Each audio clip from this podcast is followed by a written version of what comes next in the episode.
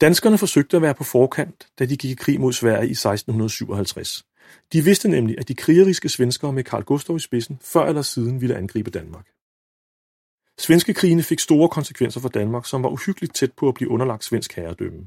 Og da freden var indgået, var det en forandret virkelighed, som danskerne skulle finde sig til rette i. I en samtale med Per Stig Møller fortæller historiker Lars Christensen medrivende om, hvad der gik forud for den danske enevælde og hvordan Danmark nær var blevet en svensk provins.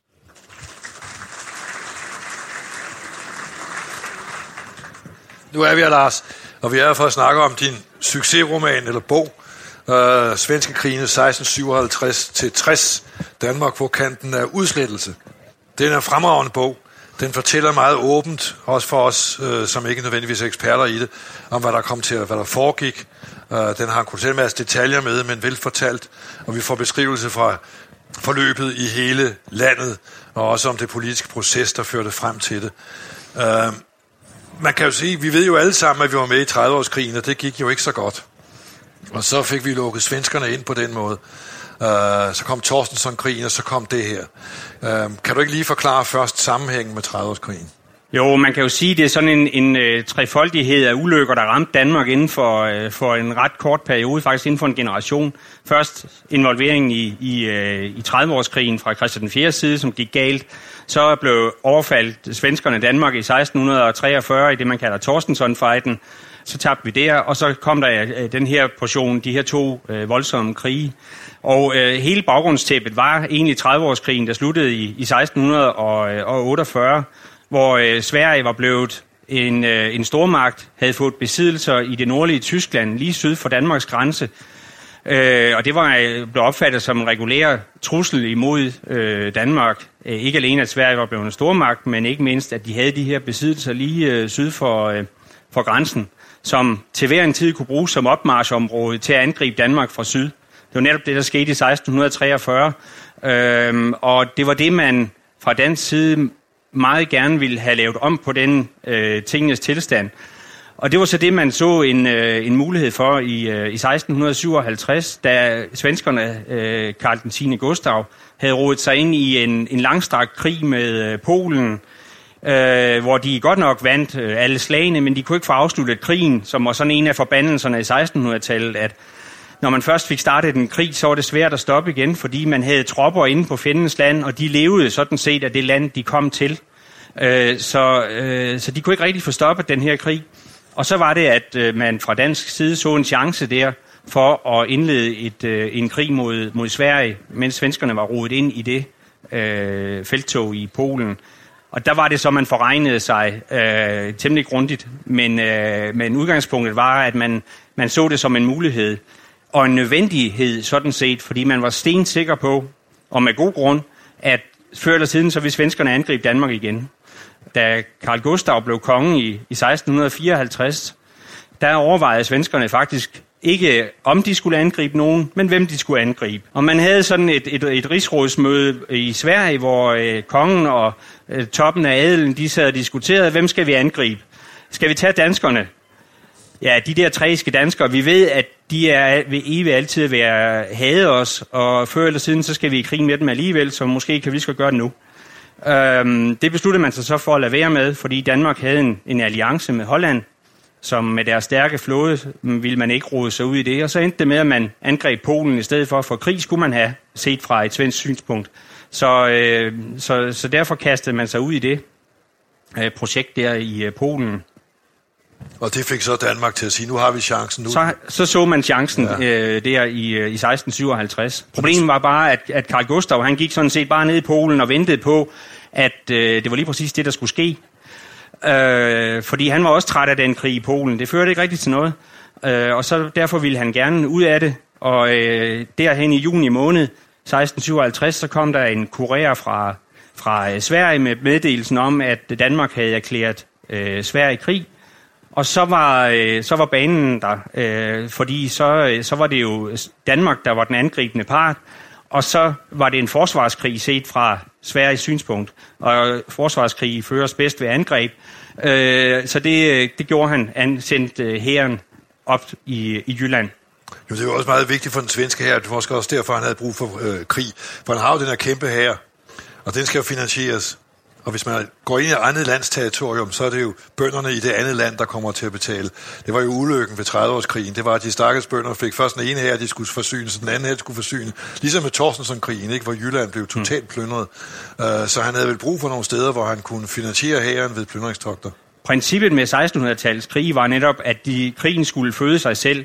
Altså når først krigen var begyndt, så skulle man have øh, krigen ført ind på fjendens territorium, og der skulle man leve af det land, der var der, dels ved plyndringer, og dels ved, at man øh, udskrev øh, alle mulige former for skat og arbejde, og udskrev soldater og alt muligt, som man, som man kunne øh, udnytte øh, så længe at der var noget at udnytte. Og det var det, der var problemet i Polen, at det var efterhånden de frugtbare områder var ved at være noget hervet, så lå øh, Jylland lokkende der og, øh, og havde noget, og, og et godt, var et godt spisekammer. Øh, men der var svenskerne så ved at foregne sig. Og det er jo noget af det, som man måske ikke øh, tænker så meget over, at det kunne have faktisk have gået helt galt for svenskerne, fordi de besatte godt nok Jylland ret hurtigt, men så kunne de ikke komme længere, fordi den danske flåde øh, beherskede de indre danske farvande, så de kunne ikke komme videre der heller og få afsluttet krigen, og Jylland kunne man hurtigt spise op. Øh, så, øh, så stod de der, og i mellemtiden fik Danmark øh, skaffet sig allierede, øh, som, som øh, kunne komme til hjælp hen ad vejen.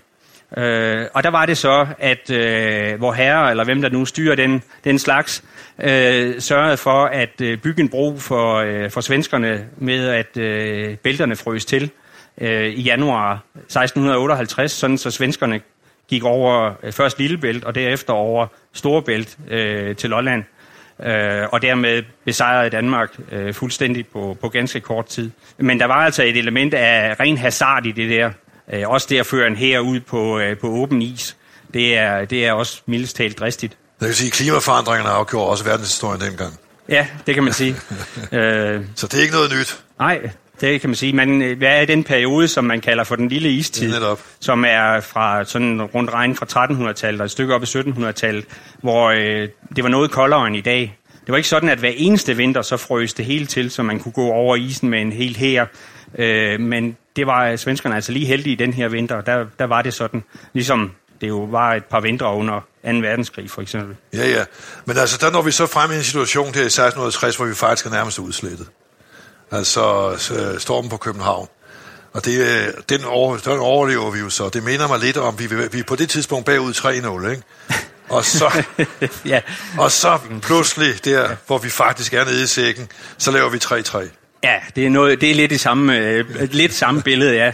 ja. Øh, fordi efter freden i, i Roskilde i, i februar 1658, hvor vi blandt andet afstår øh, Skåne og Bornholm, øh, der, der bliver der indtræffer der jo fred en fred, som er garanteret af stormagterne, men øh, Karl Gustav fortryder, at han ikke øh, tog det hele, da han nu var i gang.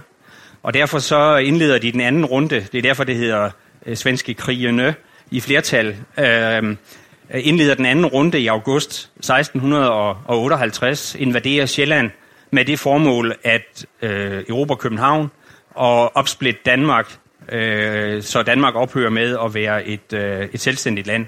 Det var, det var målet, og øh, planerne var lagt for, hvordan det skulle foregå. Øh, men København bed fra sig og øh, fik stanset øh, svenskerne. Og så de kom... lå meget længe. Du skriver jo også om lejren ude mm. i Brøndshøj. De lå der ja. meget længe. Det var en hel by. Ja, de lå der så længe, at, øh, at, at, at man sådan har regnet sig frem til, at lejren ude ved, der lå ved Brøndshøj, øh, øh, i virkeligheden var Danmarks næststørste by i, øh, i en lang periode, øh, fordi der var så mange mennesker, både militære og civile i, øh, her. Men det afgørende var, øh, at man fik hjælp fra dansk side, dels af hollænderne, der kom med flåden, og dels øh, fra de allierede polakker, øh, tysk-romerske kejser. Gud. og Brandenburg og Gud. Og Gud, ikke? Altså, fordi Gud hjalp jo først svenskerne til at, ved at fryse det hele til, til at, til at slå os. Det er der så Gyngehøvdingen indskriver sig i historien. Men så hjalp han jo også en gang til ved at slå kongen ihjel, ikke? Karl ihjel. Jo, øh, man kan sige til sidst, da, da, da, da det ikke rigtig vil få ende. Man får godt nok besejret øh, svenskerne, øh, ja, dem ud af Jylland og får Robert Fyn, øh, og slår dem i slaget ved Nyborg i november 1659, men Den eneste, der ikke helt har forstået, at, at de er besejret, det er den svenske konge, og det er ret afgørende. Øh, han mente ikke, at, at de var så slået så afgørende, at der ikke var tid til at vinde et nyt slag. Det var sådan ret karakteristisk fra Karl Gustav, han gav aldrig op. Øh, men øh, så, om det igen er vor herre, eller bare en bakterie, han, øh, han gik i hvert fald hen og døde øh, i en ung alder i, i februar 1660. Ja, det, er jo, det er jo Gud. Fordi så, hvis ikke han var død der, var han så, havde han så fortsat krigen mod København. Han altså, havde, han de havde, trækker sig jo tilbage, fordi kongen dør, ikke? så gider de ikke slås her mere. Så, øh, så stopper man øh, det ja. og indleder øh, Men hvis nu kongen ikke var død, hvis Gud ikke havde blandet sig til vores side der... Øh, så havde han forsøgt at, at fortsætte krigen et godt stykke tid nu. Ja, øh, hvor længe kan man jo ikke vide noget om, men øh, presset var, lå fra øh, stormagternes side på, at man skulle se at få afsluttet øh, krigen, vel at mærke på basis af freden i Roskilde, altså det vil sige uden øh, Skåne som, øh, som dansk, og det var også øh, derved det blev. Men det er vel også derfor, at Danmark får en, øh, får en svag hånd, fordi stormagterne, selvom de så hjælper os for total udslettelse, det er de jo ikke interesse i, for så sidder svenskerne på det hele. Ja.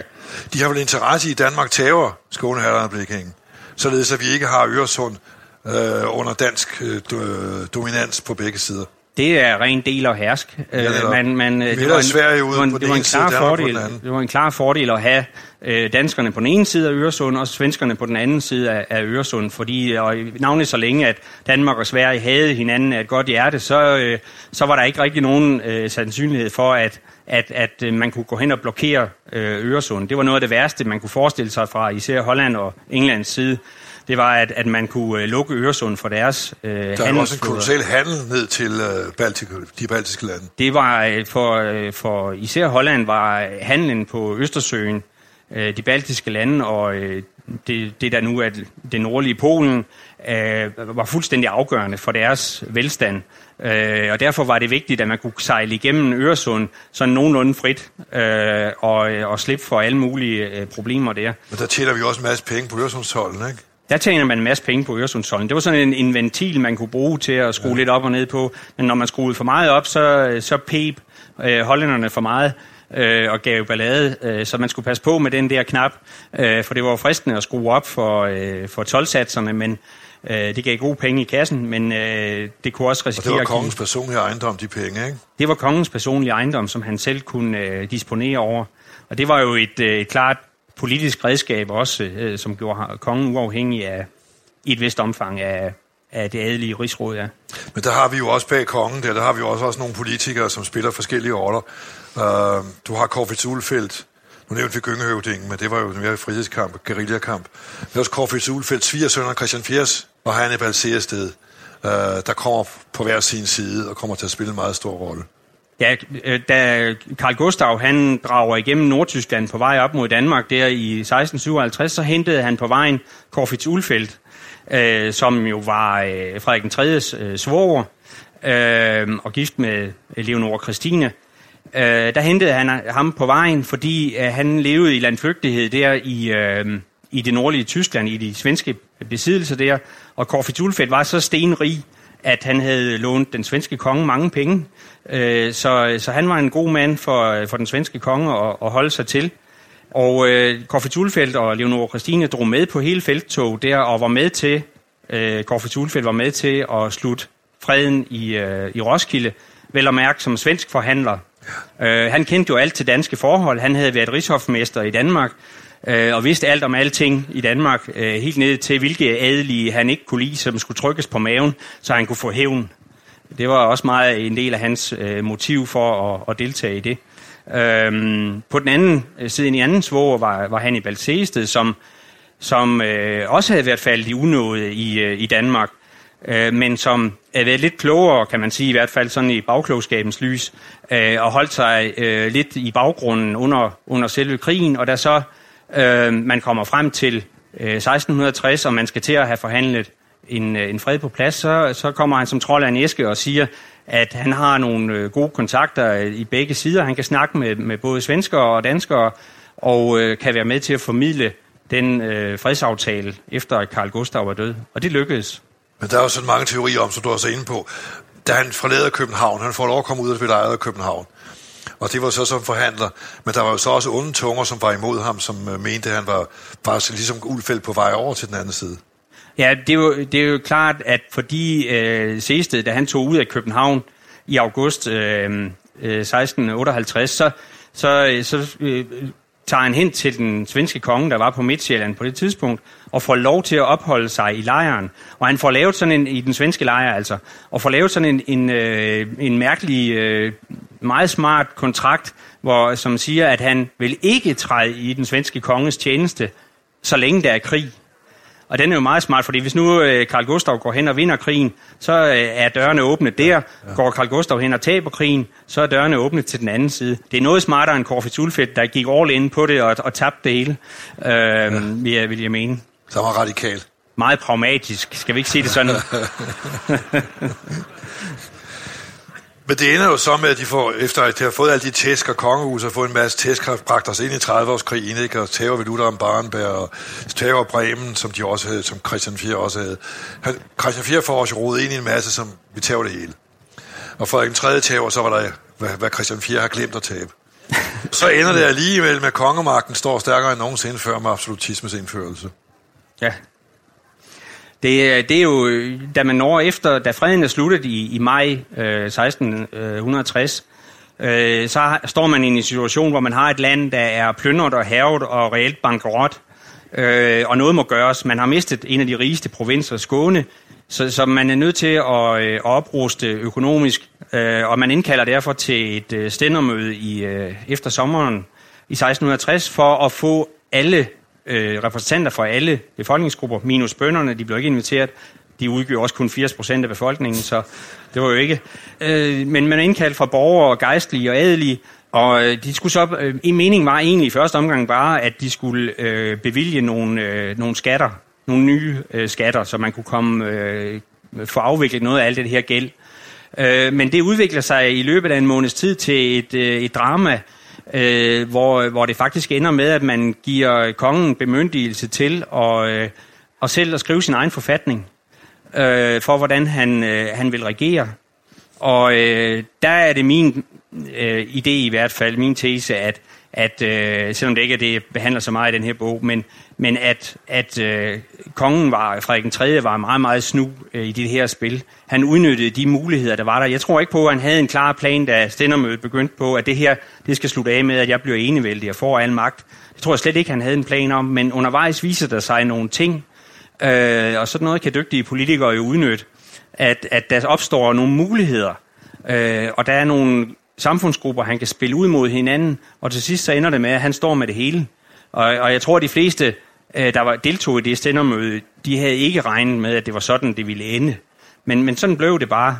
Øh, og der var ikke, når det kom til stykket, nogen, der for alvor ville gøre, gøre oprør imod det. Og det fik vi så knap 200 års enevælde ud af. Men jeg forstår også, at Hannibal Siersted var jo med på den plan. Har han ikke været en af bagmændene for, at kongen kunne lave den absolutisme? Jo, øh, det, det er jo en af de der diskussioner om, hvem der egentlig var bagmænd. Ja, ja. Så når kilderne er tilpas øh, dunkle og, og snørklet til, at man ikke rigtig aldrig kan komme til bunds i det. Øh, men han Valsested var der i hvert fald på det rigtige tidspunkter igen. Øh, når, når der skete noget, så var det ham, der stod det rigtige sted i forhold til kongen og sagde de rigtige ting på det, de rigtige det tidspunkter. Det hedder politik. Det hedder politik, ja. ja. øh, så, så på den måde han en eller anden en eller anden ledende rolle havde han. Om han var afgørende er måske øh, tvivlsomt, men han... Jamen, det ved vi godt, at han ikke var, for det var gyngehøvdingen. men, men derfor er vi over til ham, fordi vi, kan, vi, vi som har læst Karl Edler i hvert fald, øh, utroligt genudgivet, genudgivet, genudgivet. Det er der vel ingen, der overhovedet genudgivet Karl Edler. Men i min barndom, der var det også Karl Edler, man genudgav.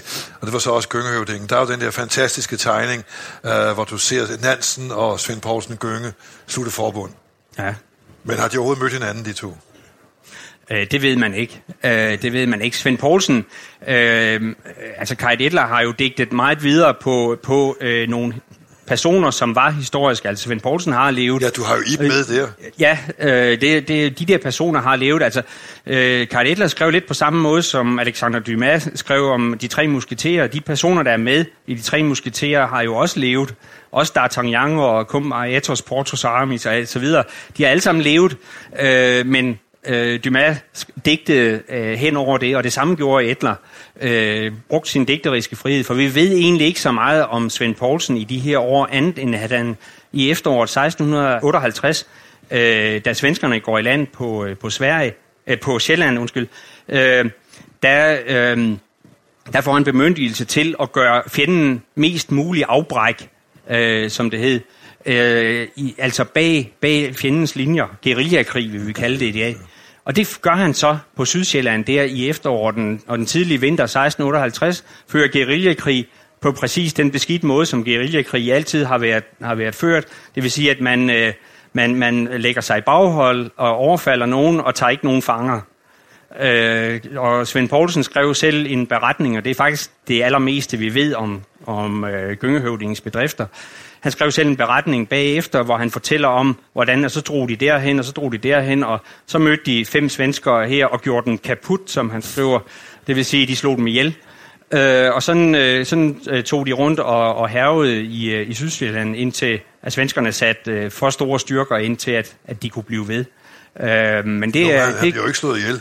Nej, han slap Nej, væk. Ja. Han slap væk til, til København og var med i... Øh, og han får jo et gods øh, han fik, efter. Han fik øh, som belønning et, et, et lille gods på, på Sydsjælland. Sydsjælland ja. Så... Øh, så, så på den måde øh, har han jo spillet en, en, en rolle som... Ellers havde han jo ikke fået det gods. Det havde han ikke. Altså, det var belønning, ja. kontant belønning for, for indsatsen i krig. Det var meget almindeligt, at man fik et eller andet form for ejendom øh, som belønning. Fordi kongen havde ikke nogen kontanter at give af, men han men havde nogle godser. Var han i stand til at drive det gods? Det var han jo ikke. Eller Nej, det gik ikke særlig godt. Ikke særlig han var godt, ikke nogen god landmand. Øh. Nej.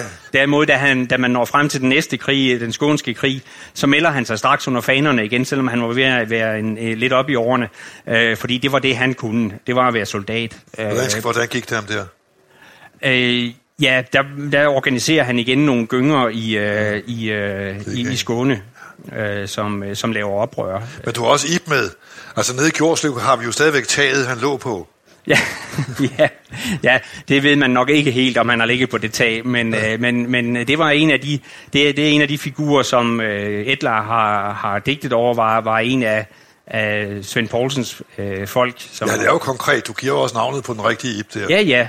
Øh, der, er, øh, der er de der personer, som, som Edler har gravet frem, og som han har øh, givet nogle andre navne, nogle af dem, men, men som, som øh, har en historisk baggrund. Så i kan jo høre med det her, der er jo ikke alene en krigshistorie i det her, der er også en politisk historie i det, og så er der altså også de menneskelige historier.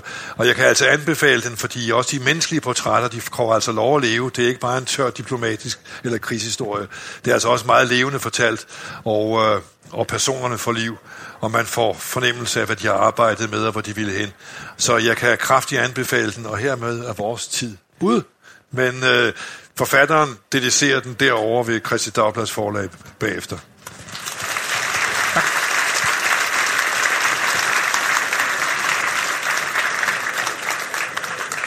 Tak til Lars Christensen og Per Stig Møller. Hør flere lydglimt fra historiske dage på vores hjemmeside, og hvor du normalt henter dine podcast.